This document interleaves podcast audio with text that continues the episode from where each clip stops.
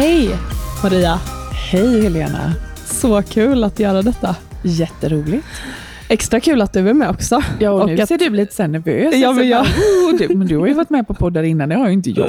Nej, men det här, är det här ska ju vara liksom eh, min podd och lite din podd också. Alltså, Ja. så. Ja, det är ju din podd, men du har Mm. ju sagt till mig att jag ska få komma lite kontinuerligt. Ja, men precis. Lite med jämna mellanrum. Ja. Ja. Det är ju ändå du som har inlett mig till att eh, lära mig allt om sorg och sorgbearbetning och sådana saker. Och det är ju Mm. lite grunden till varför jag eh, startade den här podden. Mm, vilken resa Helena. Mm, Va? verkligen. Tänk om vi visste det för ett år sedan. Ja. Mm. Mm. Men hur, hur började vår relation då? Ja, men jag kontaktade dig för nästan exakt ett år sedan.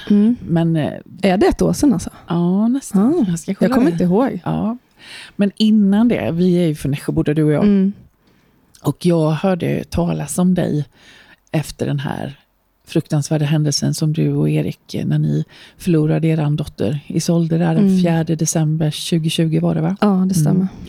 Och Nässjö är en liten stad och jag hörde ju talas om det här men jag visste liksom inte vem du var och, eh, och sådär och inte vem Erik var heller. Så att, men du vet, Mm. det bara flög bort. Jag är inte så mycket för skvaller heller. Sådär, så att jag, jag hörde det och liksom tog ju till mig. Jag tyckte det lät hemskt Mm. och så, men jag tänkte inte så mycket på det. Nej. Men sen förra sommaren, eh, någon gång där, så eh, jag vet att min äldsta son var hemma, vi satt i köket och så kom Mm. en annan god vän hem till oss. Och då berättade hon, hon hade lite mer koll om det här med dig, Ja. och då berättade hon att du också hade varit med i en podd, Mm. Framgångspodden tror Ja. jag. ja, det stämmer. Där du berättade din berättelse och det som hade hänt och, Mm. och sådär.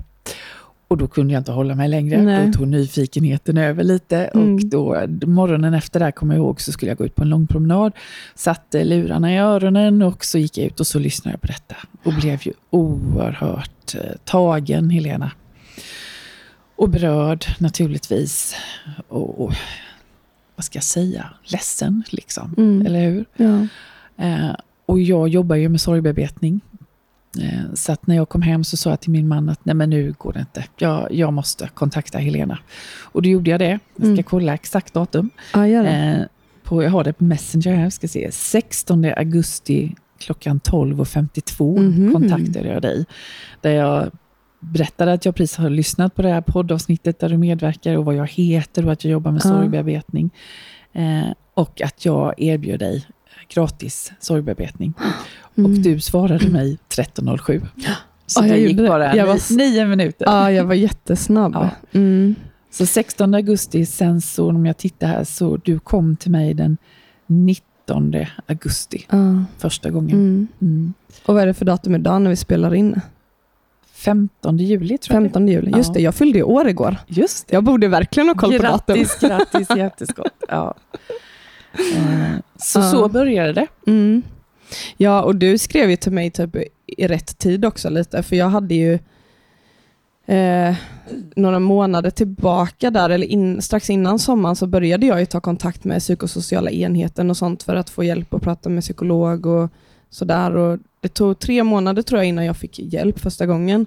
Och då fick jag komma till en kurator och det var mer samtal. Ehm, och det kände jag rätt snabbt att så här, men jag behöver inte prata om detta. Jag vill, jag vill få verktygen. Helst av allt hade jag velat att någon gick in och sa till mig, gör så här så mår du bra. Ja, Men det vet man ju att så funkar det inte. Eh, och sen när jag hade varit hos henne så ett tag så fick jag komma till en psykolog och jag har tidigare gått i, i KBT. Mm. Och, och då var det ju att det jag tänkte att, att det är det jag behöver göra nu igen.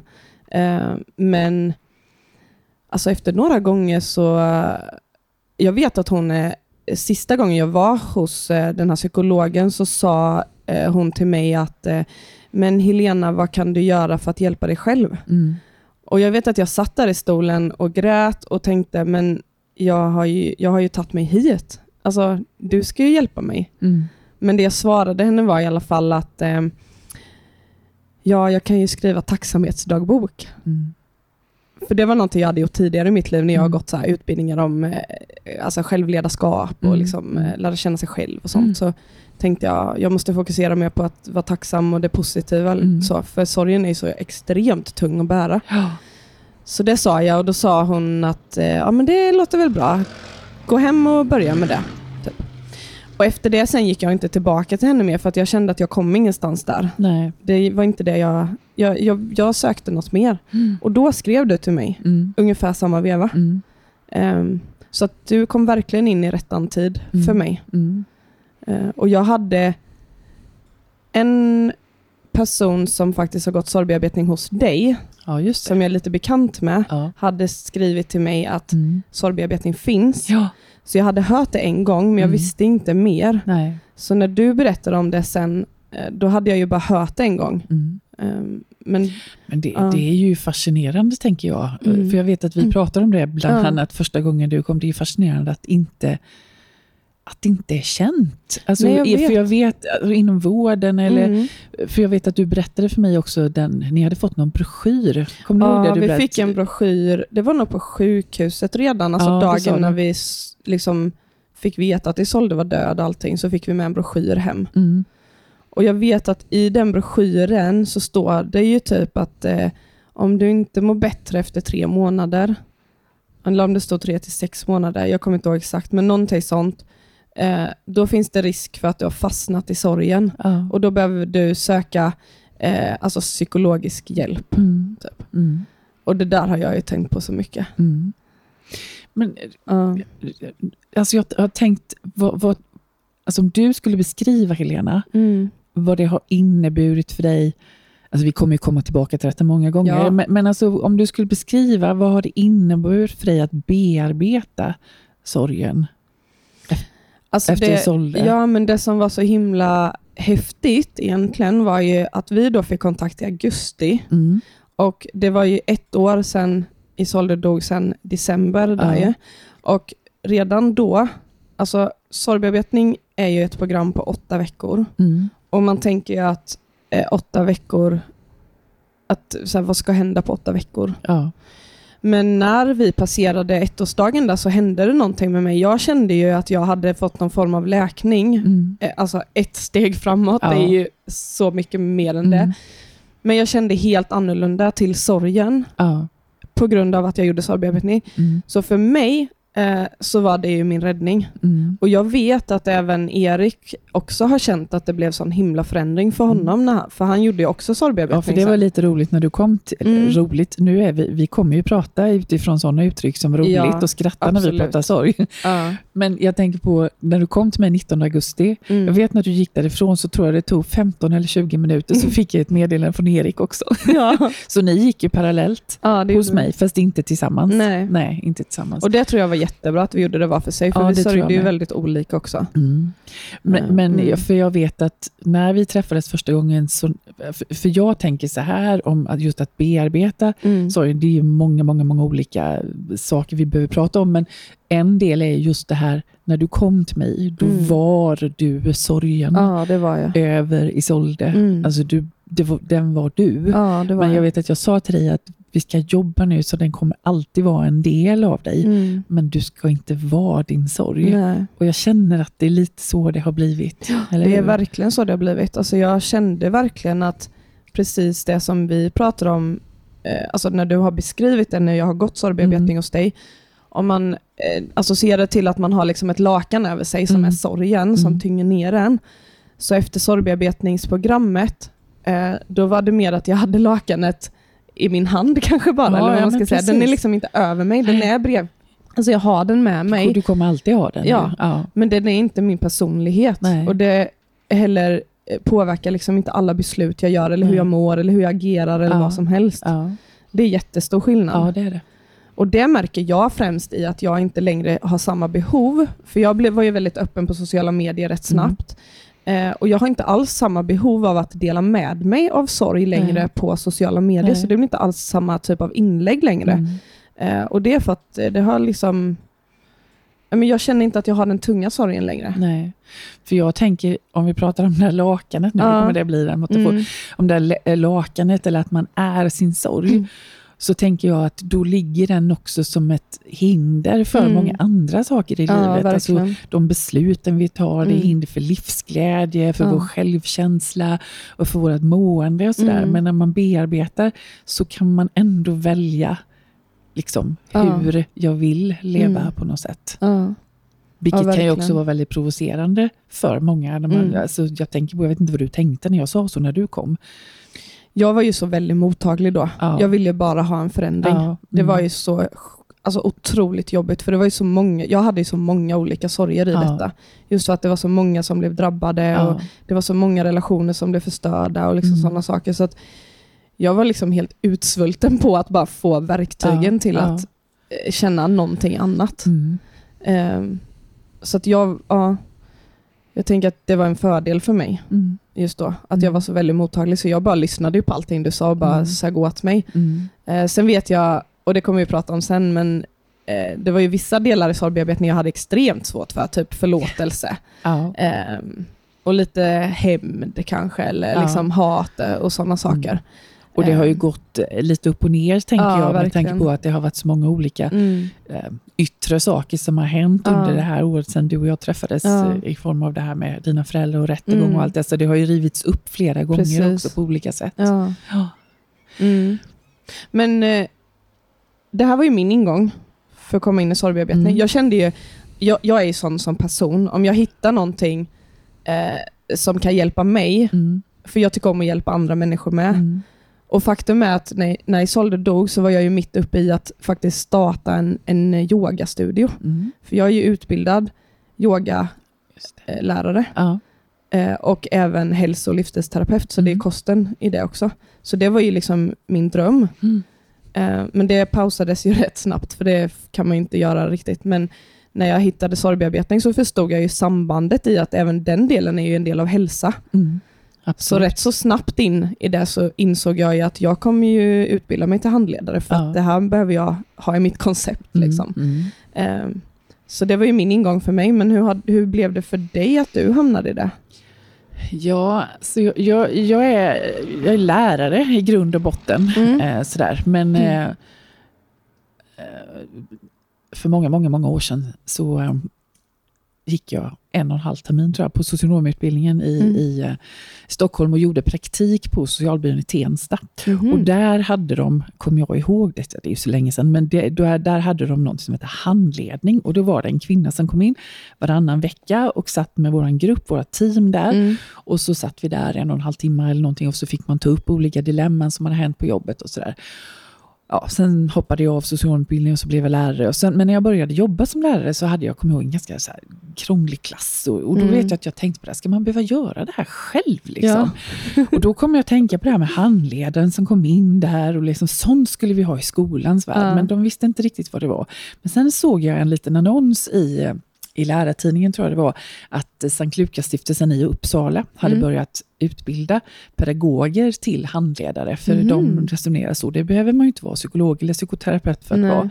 Och den såg jag och den bara typ lyste mot mig. Så Ja. jag eh, knackade på chefens dörr här på barn och utbildningsförvaltningen i Nässjö och precis sa att den här vill jag gå. Ja, men det får du, sa han. Ja, det var ju bra. Ja, så det var en tvåårig utbildning i Uppsala Mm. på deltid var den, jag åkte upp i två års tid, så det gjorde jag. Och det var början egentligen kan man säga till en annan karriär för mig, en Mm. lärare. Så att jag jobbade som handledare i, i Nässjö kommun eh, några år, men sen så sa jag upp mig och så startade jag eget och sen har jag jobbat som handledare, alltså grupphandledning och individhandledning inom Mm. olika eh, verksamheter. Mm. Men sen började jag också ringa min, min privata telefon där folk frågade om jag kunde ta emot privata samtal. Mm. Eh, och då började jag göra det. Jag tog emot i stödsamtal, både liksom individuellt men också föräldrastöd jobbade jag ganska mycket med och även i, med par i, Mm. i stödsamtal. Och sen gick jag en kurs i Stockholm där jag pratade i personlig utveckling och där jag pratade Mm. med den kvinnan just att jag upplever, inklusive mig själv då, Ja. att jag mötte många klienter men också att jag själv kunde säga så här, nej men alltså det var, kunde vara knorriga relationer och ni vet morriga relationer där jag att nej men jag har släppt det där och gått vidare. Ja, och jag det. kunde säga det och de kunde säga det Mm. men jag upplevde det hade de inte. Och Nej. inte jag heller. För man, det fanns en tendens till det här att man ältade ändå, man fastnade ändå väldigt mycket Mm. i de här grejerna som man sa att man hade släppt. Och då sa den här kvinnan till mig, gå och utbilda dig till sorgbearbetare. Mhm. Så jag undersökte det lite och tyckte det lät spännande. Så Mm. det var min väg in i detta, vilket var ju eh, ja, en helt fantastisk, fantastisk upplevelse. Mm. Jag kommer ihåg eh, kvällen innan jag skulle gå den här kursen då så visste jag ju att jag skulle bli tvungen Ja, det. att bearbeta en egen eh, förlust Mm. och bestämde mig där på kvällen att det var dags för mig att bearbeta förlusten av det friska barnet när jag Ja. fick min andra son Jonathan som Mm. är född med olika funktionsnedsättningar. Och jag Just det. sörjer ju inte Jonathan Nej. men jag sörjer ju det friska barnet som jag väntade på i nio Mm. månader och framförallt också sörjer jag att livet inte blev som jag hade tänkt mig. Nej. Och jag hade väldigt ont i huvudet, ont i magen och tyckte det var Mm. känns, min man var jätteirriterad och tyckte varför måste du gå på sådana här grejer för? Men jag kom dit i alla fall och hade ju då förberett mig att det var Mm. den här förlusten jag skulle bearbeta. Men det var inte där jag hamnade första gången Nej. utan jag hamnade på ett helt annat ställe Mm. eh, och bearbetade en relation eh, där det fanns ganska mycket eh, skav kan vi säga. Ja. Och jag brukar säga att det, det är det bästa jag har gjort. Ja. Mm. Så det var ingången för mig. Mm. Kan du känna, alltså jag kan ju känna att jag har gjort, jag, alltså jag hade jobbat mycket med mig själv innan jag gick Mm. sorgbearbetning. Mm. Jag, alltså jag har ju haft ett int- intresse i många, många år för liksom självledarskap och personlig utveckling och Mm. sånt. Alltså jag har varit i Dubrovnik på en liksom, eh, utbildning där man stängde in sig i typ fyra dagar och bara Okej. fick så här, jobba med sig själv och sitt gamla förflutna. Och vi stod och skrek och vi skrev brev och vi eldade upp Ja. och vi började det nya och ja, du vet så. Eh, men alltså, jag kan ju känna att jag har vuxit extremt mycket under bara de här åtta veckorna jag gjorde sorgbearbetning. Ja, Alltså det var något helt annat. ja. Det är något vad, helt alltså, annat. vad, vad, vad upplevde du för förändring hos dig själv? Det låter lite klyschigt kanske, men alltså det var verkligen som att gå lättare. Ja. Eh, gå lättare, jag var gladare. Jag, jag var, blev mer med, alltså medvetenheten, Mm. den tror jag är den som är mest att och jag gjorde mig själv inte till offer i situationer Nej. där jag faktiskt också kunde bestämma mig för att jag kan välja hur jag ska reagera i Mm. de här olika situationerna. Eh, lättare, ja. lättare. Alltså jag kan ju bara relatera till ordet lättare faktiskt. Ja. Alltså jag, jag känner det många gånger att det är som att stenar har lättat från axlarna Ja. på något sätt. Liksom. Jag tror att de brukar ta det exemplet med småsten grus i skon. Ja, vad är det? Ja, men att man, man känns man har lite stenar i skon ungefär. Man Mm. har massa skav och massa Ja, obearbetade det. förluster, men att man blir av med dem. Och det är också en bra metafor Ja. Och sen jag. går man på bomull. Ja. Och sen går man på bomull. Inte alla dagar, men de flesta. Nej. Nej, men, och jag kan ju se det när jag jobbar med klienter ibland. Jag brukar Ja. säga det. Jag önskar att jag hade haft en videokamera och kunna spela in dig Mm. när du kommer in första gången Ja. och när du kommer sista gången. Det är fantastiskt. Det det. kanske är någonting du ska börja med. Kanske det, ja. Ja. Mm. Det hade jag nästan velat se själv. ja. Alltså, det hade varit jättekul att, att få se vem man var då kontra idag. Mm. För jag kan tänka mig, alltså, nu är jag ju handledare också och jag har ju faktiskt hunnit handleda rätt många nu. Mm. Eh, och jag ser ju också förändringen och det är så himla häftigt att se Ja, den resan, att Ja. man på så kort tid ändå, för, för många gånger när man tänker att man ska jobba med sig själv i åtta veckor så är det ju extremt lång tid. Mm. Men det är väldigt kort tid egentligen. Ja, det är det. Men att se att det kan hända så himla mycket Mm. på bara åtta veckor, Mm. det är jättehäftigt. Ja, det är verkligen häftigt. Och sen tänker jag, de, de flesta som, som tar kontakt med mig, Mm. Och utifrån behov av samtal eller så, de Mm. flesta som tar kontakt med mig gör det ju inte utifrån att de, de säger till mig, jag vill gå sorgbearbetning. Nej. Det finns en del som gör det, som, som till exempel när det gäller dödsfall och sådär, där, man, Mm. där man kommer, för vi förknippar ju sorg fortfarande mest med dödsdöden om man säger sådär.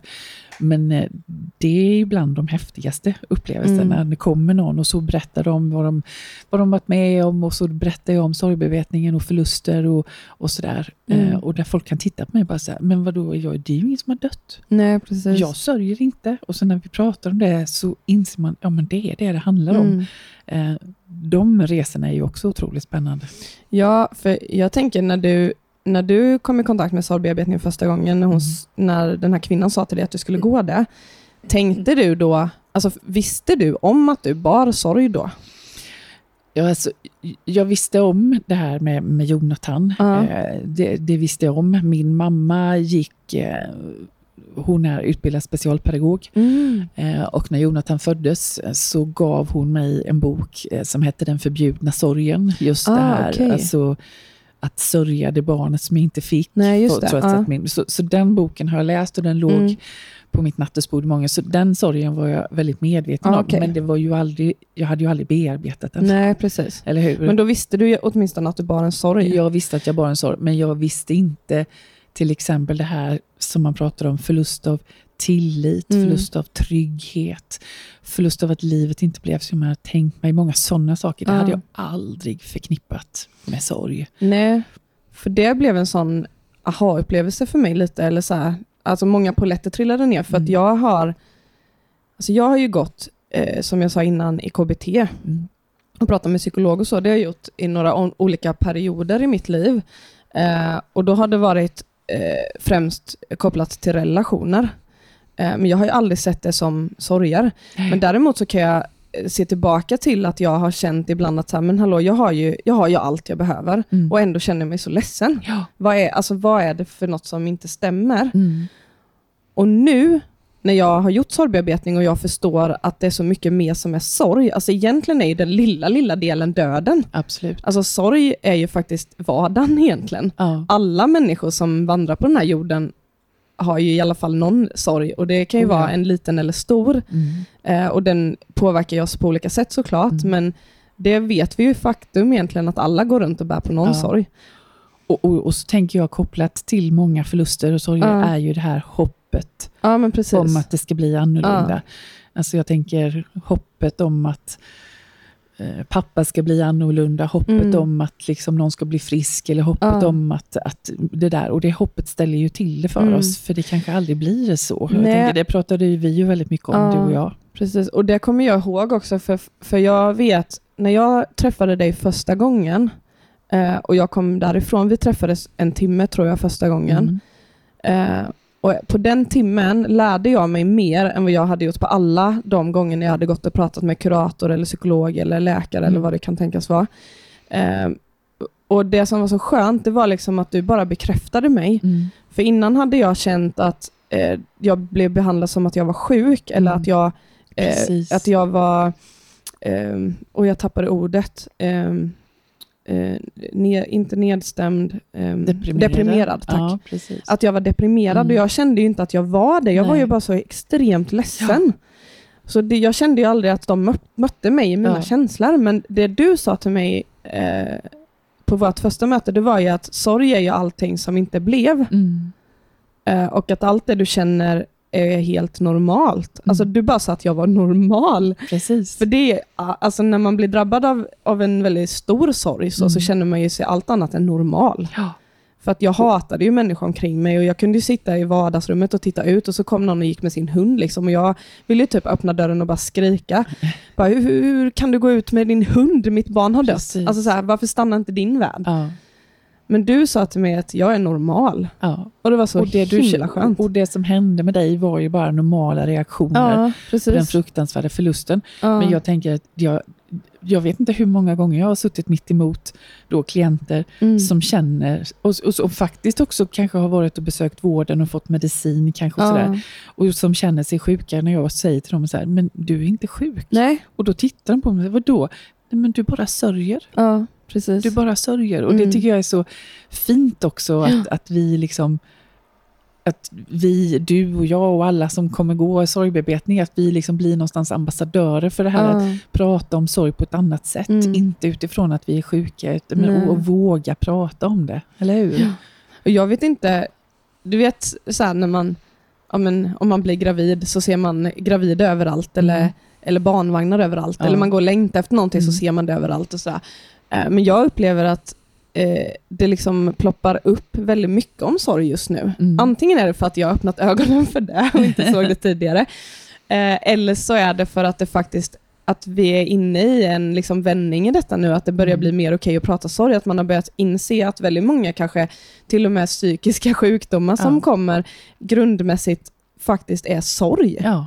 Och tänk då om vi möter det som sorg mm. Och den personen får verktygen att hantera det. Mm. Tänk hur många som kan sluta äta kanske eh, alltså, eh, antidepressiva, andra mediciner. Precis. Man kanske till och med kan börja gå till ett jobb och känna Ja. att man är, är normal på jobbet. Ja.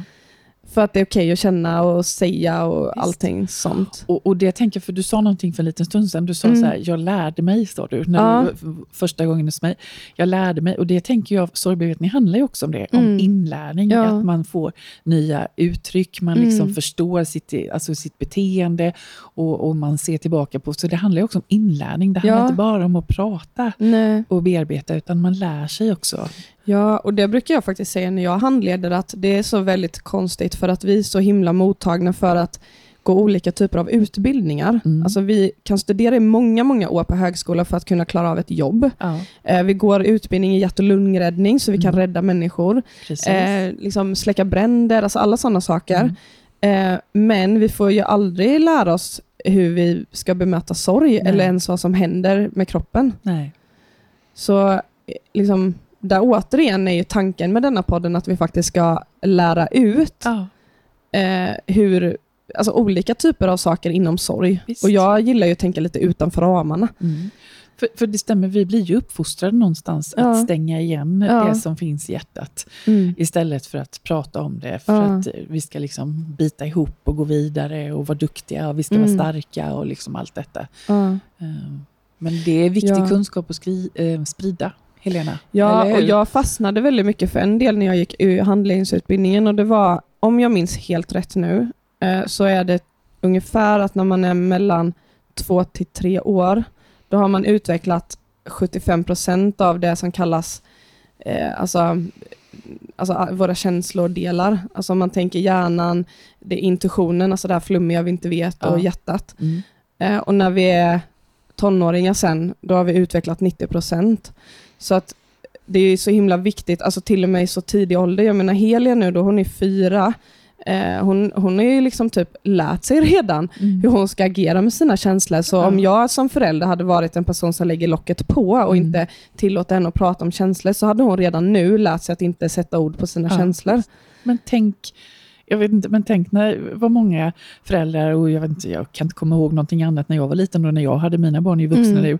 Jag menar, någon slog sig. Ja. Så liksom, ah, nej, men vi hämtar ett plåster, så sätter man plåster och så blåste Ja. man lite, så här, borta, Mm. eller hur? Istället Ja. för att fråga egentligen, vad var det som hände? ja, men precis. Och hur känns Hur det? känns det? Istället för att säga det gick bra. Det gick bra. Ja. Mm. Ja. Ja, men det, och det är ju verkligen, jag, jag har eh, eh, en person jag handleder i sorgbearbetning just nu eh, som sa något så himla bra. Eh, och det var att eh, eh, personen hade fått frågan att eh, eh, när du uppfostrar dina barn, uppfostrar du dina barn Eh, alltså har du satt dig ner och funderat på hur vill jag uppfostra mina barn? Mm. Eller uppfostrar du dina barn eh, i affekt av hur dina föräldrar uppfostrade dig? Mm. Och det är ju så häftigt. Det alltså Det, häftigt. där, det där kan man ju ha med sig genom allt i livet, att Mm. Man sätter sig ner och, och funderar på hur vill jag agera i den här situationen? Mm. Mm. Vad är mina känslor i detta? Hur tycker jag egentligen? Ja. Så att man inte... Alltså vi får ju så mycket intryck av eh, Mm. alla sociala kanaler eller Mm. omgivning eller vad som helst, vad alla andra tycker. Och det är så väldigt ofta vi inte vågar stå för vad vi själva tycker. Ja, visst. Och det genomsyrar egentligen allting. Mm. Att vi behöver alltid gå till oss själva Mm. och så våga bara säga det. Där tycker jag ju, eller jag brukar säga det när jag jobbar med klienter sorgbearbetning, att jag tycker ju att sorgbearbetningen också har hjälpt mig att få en annan syn på livet. Mm. Ett annan sätt, ett förhållningssätt till Ja. hur jag vill leva, hur jag vill agera, hur Ja. jag vill kommunicera Mm. och hur jag vill reagera Mm. och, och sådana saker överhuvudtaget i livet. Jag tycker det är, ja, den är häftig. Den är Alltså, häftig. jag hade funderat mycket på det innan. Mm. Eh, för jag har haft relationer omkring mig som jag har känt att så vill jag inte vara. Mm. Så jag hade funderat mycket på det. Men när jag drabbades av sorg, då Mm. var det som att där var det helt andra regler. Ja, Och det har vi ju pratat mycket om. absolut. Alltså just hat och, och Ja. liksom förlåtelse och sådana Ja. saker. Och vi kommer ju gå in och prata mycket om det sen, för det är sådana viktiga delar. Men, men eh, där fick jag mig nya tankeställare. Eh, För, för att jag, Ja. och där är det ju viktigt att säga, för nu bara vi liksom romantiserar och pratar jättemycket om sorgbearbetningen, Precis. att den är så himla bra. Och den är bra, men det betyder ju inte att när någonting fruktansvärt händer, nej, så kommer ju både du och jag, vi kommer fortfarande reagera på absolut. olika sätt och så, men vi har någonting med oss, Mm. eh, eh, ja, ett verktyg eller ett sätt att leva som vi lättare kunna, kommer kunna använda Ja, oss av, tror precis. Mm. Och det är ju så man blir ju provocerad. Alltså, allting handlar ju om balans. Ja. Alltså hur mår man just i sorgen Mm. när, när saker och ting sker? Ja, Eh, alltså det har jag ju märkt nu när vi har jag menar, jag var ju lite mer balanserad när inte vi var, när rättsprocessen skedde, men mer i det tysta, alltså Ja. när vi inte var inblandade så mycket. Kontra nu på slutet när rättsprocessen blev att vi fick kontakt med vår advokat lite mer och det kom nya uppgifter och polisförhören började komma och liksom, alltså vi kunde re, alltså läsa utredning och sånt. Då, då blossade ju väldigt mycket upp inom mig. Ja. Eh, och då var det ju till och med en gång när du fick ta upp en liten bok och läsa om lite hämnd och, ja, och, och hat och, och krig. Ja, men precis. Alltså, så, så jag tänker att det här är ju, det här är ju liksom en, en lång lärningsresa. Ja, det är det. Men grunden får man ju genom sorgbearbetning och så får man ju Ja. gå tillbaka till det. Och det som är viktigt är ju typ att man har, alltså jag är så väldigt glad Maria att du har kommit in i mitt liv. Detsamma Helena egentligen, det vet du ju. Också. Ja, men för att jag kan känna att du gör mig till en bra sörjande person. Det uttrycket har jag inte hört förut, men det, ja, ja, men det är bra. ja, nej men, Och jag har ju sagt att jag är din och Eriks sorgeperson, har jag ju ja, sagt. men du är ju det. Livet ut. Alltså när jag och Erik inte hittar balansen i vår relation så är det första vi gör, så här, vi måste prata med Maria. och så får vi träffa dig och så Ja. sätter vi oss ner och så tar det en timme så har du förklarat vad vi har försökt att förklara i flera veckor till varandra och så går man därifrån och bara, jaha, var det så här? Ja, Vi precis. menade. Ja, Ja men lite så. ja, men det är bra. Ja. Det är ju klokt också, att Ja. våga ta hjälp. ja. Jag tänker så här. Men du Helena, jag, jag också behöver ställa en fråga. Mm. Det är första eh, poddavsnittet. Så. Ja.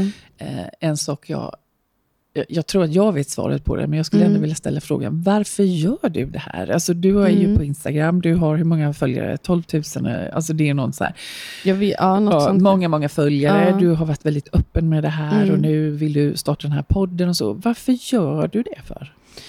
Alltså, om jag nu är 100% ärlig, Mm. eh, så är det faktiskt så att jag är ju uppvuxen med att man lägger locket på. Ja. Eh, och jag gjorde ett val för många år sedan att jag inte ville lägga locket på. Eh, så jag har ju liksom tagit tag i saker och ting jag haft Mm. med mig från uppväxt och Mm. situationer, relationer och sådana saker tidigare. Eh, som jag sa så har jag gått i KBT och liksom sådana Mm. saker. Eh, och försökt att förstå alltså, mitt sätt att agera och, och, och försöka göra egna val Ja. helt enkelt, hur, hur jag vill göra. Ja. Eh, och när, man, när jag nu drabbades av den här totala sorgen som bara var som chock, eh, då var det li, lite droppen för mig. Alltså Ja. bägaren hade runnit över för länge sedan. Ja. Eh, och när det hade gått tre månader så fick vi veta svaren från obduktion och det var ju då vi fick bekräftat att Mm. Eh, hon hade dött av syrebrist och värmeslag och Ja. att det faktiskt var mina föräldrar som var grundorsaken Ja. till att hon hade dött. Mm. Ehm, och deras rädslor eh, tog över då. Och då eh, var det inte någon fråga om att de frågade hur vi ville göra, utan där var det ju bara att locket skulle läggas på. Ja. Det här håller vi inom familj. Eh, ni behöver respektera familjemedlemmar som får frågor och tycker det är jobbigt och liksom Mm. sådana saker. Eh, och där och då hade jag ju inte kunskapen om sorg eller hur jag agerade någonting, utan jag bara exploderade. Jag tänker det var bara, det levde av sig själv. Ja, det, ja, det gjorde det. Mm. Det var bara en explosion, så jag eh, bara, det skulle bara ut. Ja. Och det hade ingenting med att jag ville hänga ut mina föräldrar att göra eller något Nej. sånt. Det har aldrig någonsin haft med det Nej. att göra, utan för mig har det varit att Isolde ska bara inte dö förgäves. Just det. Eh, och, Att skapa någon slags Ja, men- mening i det meningslösa. ja, och att jag också skulle få prata. För jag hade så mycket inom mig, jag kunde inte hålla det inne i mig. Jag, det behövde komma ut. Ja. Och eftersom att jag och Erik sörjde väldigt olika, Mm. eh, så fick jag inte ut det på samma sätt i relationen. Nej. Eh, och då blev mitt, alltså mitt sätt att hantera det var att prata utåt mot, Mm. till folk som lyssnade. Ja. Och det blev Instagram. Mm. Ehm, och sen rätt snabbt kände jag ju också, eftersom att jag är en sån person som vill ehm, jag vill, det jag drabbas av vill jag omvända till att kunna ge vidare. Alltså Mm. det jag lär mig i Precis. det. Jag är den typen av person. Jag tror att det är lite så att antingen är man en person som drar täcket över huvudet och man Mm. orkar inte. Mm. Eh, man gömmer sig lite Mm. och sorgen tar över. Eller Ja. så vill man försöka göra någonting av det. Mm. Och jag är den personen som vill göra något av det. Mm. Så jag ville ju börja eh, prata vad som hade hänt, vad jag hade lärt mig, hur jag ville jobba med det. Och då hade jag ju också eh, börjat komma i kontakt lite med sorgbearbetning. Jag ville, att jag, jag ville bli handledare, liksom. jag ville ut med det. Mm. Hur kan vi förändra? Hur, för jag upptäckte ju så snabbt att ja, men tre månader ungefär eh, orkar ju omgivningen finnas där för en på olika sätt. Och sen blir det tyst. Ja. Sen förväntas man gå vidare. ja, just det. Och det vet ju alla som drabbats av sorg att så funkar det inte. Utan sorgen har Och då har man ju de här, i sorgbearbetning pratar man om det här myter om sorg till Ja. exempel, att efter några månader så, ja, Mm. så fixar man det och, och sen när det inte är så, när man märker att människor finns inte kvar längre, kan man ju känna Nej. sig oerhört ensam. Ja, precis. ja. Så att, och då blev det ännu mer tydligare för mig att jag behövde prata. ja. Eh, och också vända mig till människor. Alltså, den här, eh, det var så viktigt för mig att hitta andra som förstod vad jag gick igenom. Mm, mm. Eh, och det har jag också lärt mig i sorgbearbetning, att man ska aldrig liksom säga att jag förstår, för att det är ingen som kan förstå, för det är ingen Nej. som har upplevt det jag upplever. Även om en person har gått igenom, alltså jag och Erik, vi går igenom identiskt egentligen samma, Ja. och ändå så kan inte han och jag förstå varandras sorg.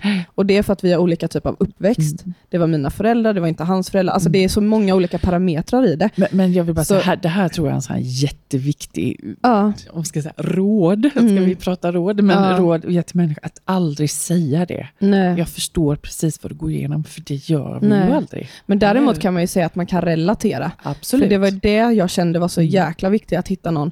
Jag träffade ju en helt fantastisk människa. Vi har aldrig träffats fysiskt Mm. Än, men Mm. vi vill verkligen göra det. Mm. Eh, men vi bor en bit ifrån varandra. Men eh, den här personen hade också förlorat ett barn. Ja. Och det vi hade gemensamt var ju att det var någon annan som hade orsakat våra barns Ja, död.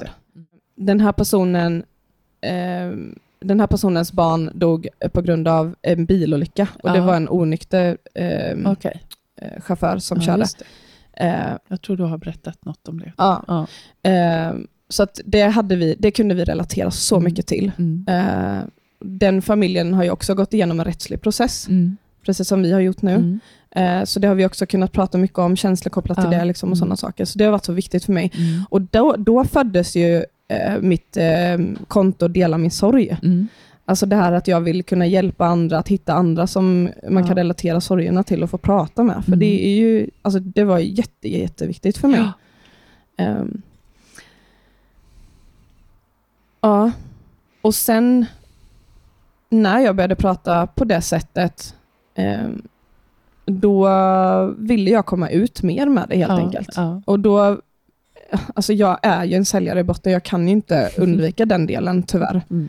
Eh, och det har varit ett dilemma för mig många gånger att så här, använder jag, eller så här, utnyttjar jag situationen av att vårt barn har dött på ett så hemskt sätt, att jag typ ska bli kändis. Mm. För det har ju aldrig varit mitt mål, att Nej. bli känd. Nej. Jag har ju bara velat hjälpa andra. Mm. Eh, men det är en väldigt svår vågskål det där. Nej, men och jag Alltså tänker, det är ändå viktigt att berätta det här, Mm. att det är inte därför du gör det, Nej. utan du väljer att använda din röst. Ja, men och grejen var den att när jag startade Dela min sorg så var det så himla många som skrev till mig. Alltså, herregud, det var ju över ett heltidsjobb. Jag fick Ja. ju så många eh, meddelanden på Ja. Instagram där Mm. folk bara var så glada att jag pratade öppet om det och de kunde Ja. relatera och liksom, de fick stöd ifrån mig och allting. Mm. Så jag insåg ju jättesnabbt hur stort behov Ja. det faktiskt finns av Mm. att prata om detta. Ja. Ehm, och på ett, jag har ju alltid också pratat på ett väldigt avskalat sätt. Alltså jag förskönar ju ingenting. Jag säger exakt hur det är. Och det har varit väldigt uppskattat. Mm. Ehm, och jag blandar ju också väldigt mycket liksom vardagen. Alltså hur pratar Heli om sorgen? Hur pratar jag och Erik om det? Och, och hur pratar omgivningen om det? Och, ja, men både, alltså den här berg och dalbanan man Mm. pratar om, liksom, både toppar och dalar. Mm. Alltså så. Mm. Ehm, och den snabbaste vägen att nå ut är väl ändå genom att eh, se lite, okej men eh, vad, hur går utvecklingen? Ja. och det är poddar. Ja. ja, men visst. Absolut. Eh, och det gav, jag fick en möjlighet, dels så har jag ju, det första jag var med i var ju faktiskt eh, eh, Utan dig. mm. En jätte, jättefin podd. Ja. ehm, som jag verkligen kan rekommendera. Mm. Och där de som driver den eh, har själva förlorat barn Mm. på olika sätt. Mm. Eh, och ehm, då blev det ju naturligt för mig att vara med och prata där. Eh, just att, ehm, ja, men att, att man fick dela och- berättelsen om att ha förlorat ett barn. Och sen efter det så ville jag mer kunna prata utbildning. Alltså vad har jag lärt mig? Vad vill jag med framtiden? Och då blev ju Framgångspodden en ingång för mig Just det. att göra det. Mm. Och sen har jag ju varit med i flera poddar efter Mm. det också. För jag tänker att det är också ett sätt att, att både bearbeta men också att använda Mm. sina livserfarenheter, Ja. även de här hemska förlusterna Mm. och sorgerna och, och de kriserna i livet, att använda dem, att faktiskt vilja att använda sin röst Ja, och vilja skapa mening i det här meningslösa, att ändå kunna skapa Verkligen. mening i det och använda det. Jag vet till exempel när jag började jobba som eh, grupphandledare då Mm. inom olika verksamheter så var jag så här, jag ska aldrig in i den här funktionshinderomsorgen och där vill jag inte och jag ska inte vara där. Men det tog ju bara några månader så insåg jag det är klart att jag ska vara där. ja, För jag har en röst och jag Mm. har saker att säga och jag väljer att göra det och då kan jag också göra skillnad. ja, Och det är, liksom, det är ju en av mina stora drivkrafter, Ja. det är ju det här att kunna göra skillnad för Mm. andra människor. Så jag tänker, det gör ju du Helena, men det är viktigt att ändå ta, liksom, ta död på det, att du sitter inte här för att du använder Isoldes död, nej. utan du sitter här och du gör det du gör för att du vill göra skillnad. Ja, Liksom jag gör, är samma sak för mig. ja, och Mm. hade jag fått välja hade jag ju aldrig gjort något av detta och haft Isolde i livet. Självklart. Alltså, det här är ju någonting som har hänt oss, oss utan att vi själva har valt det. ja, Och så är det ju med alla sorger. ja, så är det med alla Ja. sorger. Mm. Och sen väljer man ju hur man ska göra med det. Mm. Ja. Det är det som är så fint. Ja. Det ingår också i bearbetningen, Ja. eller hur? Men, att vi och- kan välja ja, men vad vi precis. vill göra av det. Mm. Mm. Nej men och också så här, jag kan tycka lite att, eller om, om man bara tänker till s- äh, alltså alla som jobbar liksom med människor på olika sätt, Mm. alltså psykolog, psykologer, kuratorer eller Lärare. eller lärare, alltså alla Mm. jobb egentligen, Ja. alltså inte bara inom sjukvård, Nej. utan alla jobb Ja. där vi möter människor, Ja. Borde ju få kunskapen om hur vi, hur vi pratar och möter sorg. Ja. Och det är så väldigt konstigt att det ändå är, vad är det för år? 2022? ja, det är Ja. 2022 Ja, jag blandar alltid upp det.